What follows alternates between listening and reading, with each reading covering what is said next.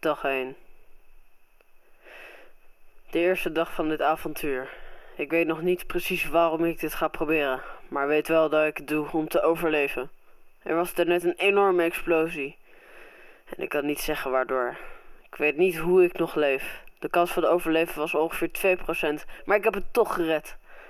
De mensen om mij, om mij heen zijn allemaal dood. Er is geen God. Dit had niet mogen gebeuren. Dag 5.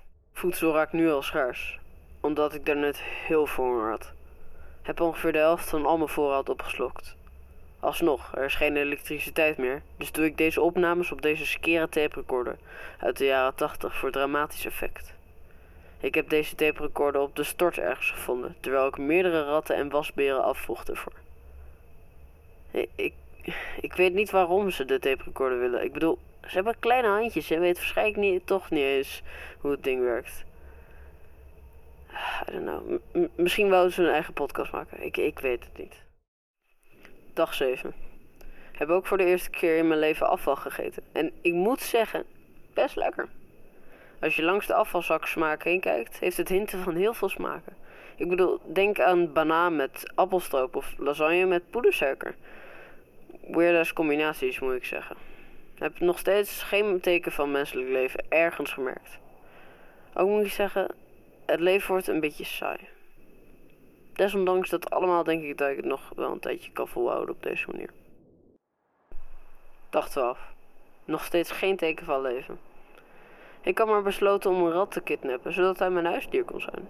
Hij heeft mij al meerdere keren gebeten en de wonden zijn geïnfecteerd geraakt.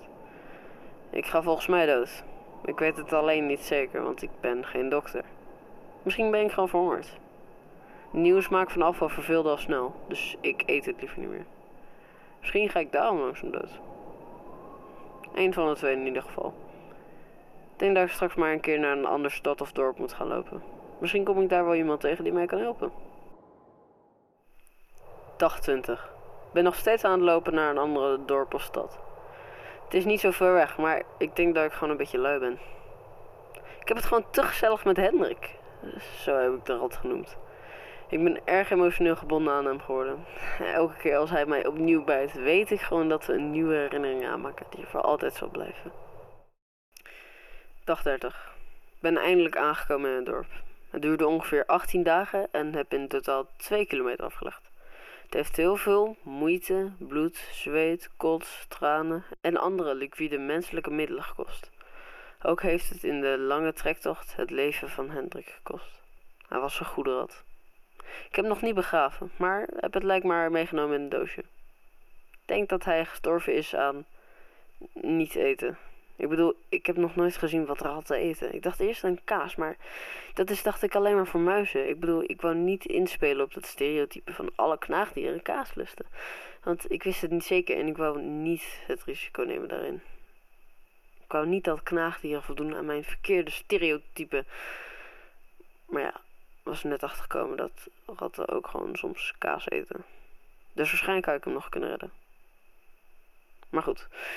Ik ben eindelijk aangekomen in de stad, maar heb nog steeds niemand gezien. Hé, hey, jij daar! Oh, iets te vroeg gesproken. Ik dacht echt dat iedereen overal was omgekomen door die ramp. Kom eens hierheen, joh. Uh, ja, is goed, maar ben even mijn logboek aan het opnemen. Vind ik leuk, voor als er een nieuwe beschaving komt. Dan kunnen ze langzaamaan achterkomen wat er mis was gegaan met de vorige generatie. Wat? Zit je nou serieus een logboek op te nemen? Wie boeit dat nou? Ik weet wat jij hebt gedaan. uh, ik weet vast niet waar je het over hebt. Uh, laat me maar even alleen. Wat zit je nou te zeiken, man? Je hebt iedereen vermoord.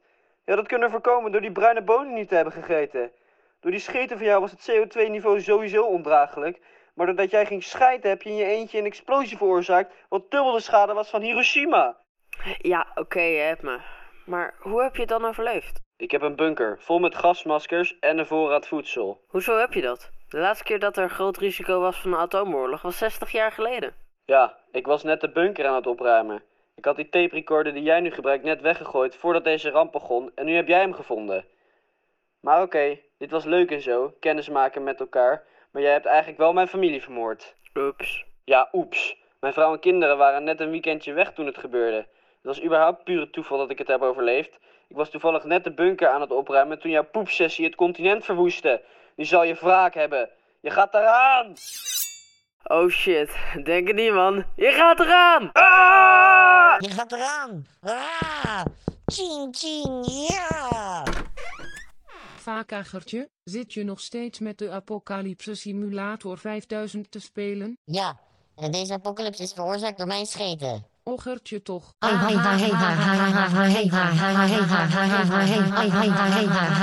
Koop nu de Apocalypse Simulator 5000 om je favoriete apocalypse na te spelen. Van wat als die boot vol met raketten toch was aangemeerd bij Cuba in 1962 tot de lopende dood. Je kan dit allemaal met Apocalypse Simulator 5000 naspelen. Nu verkrijgbaar voor 600 euro bij de Intertoys.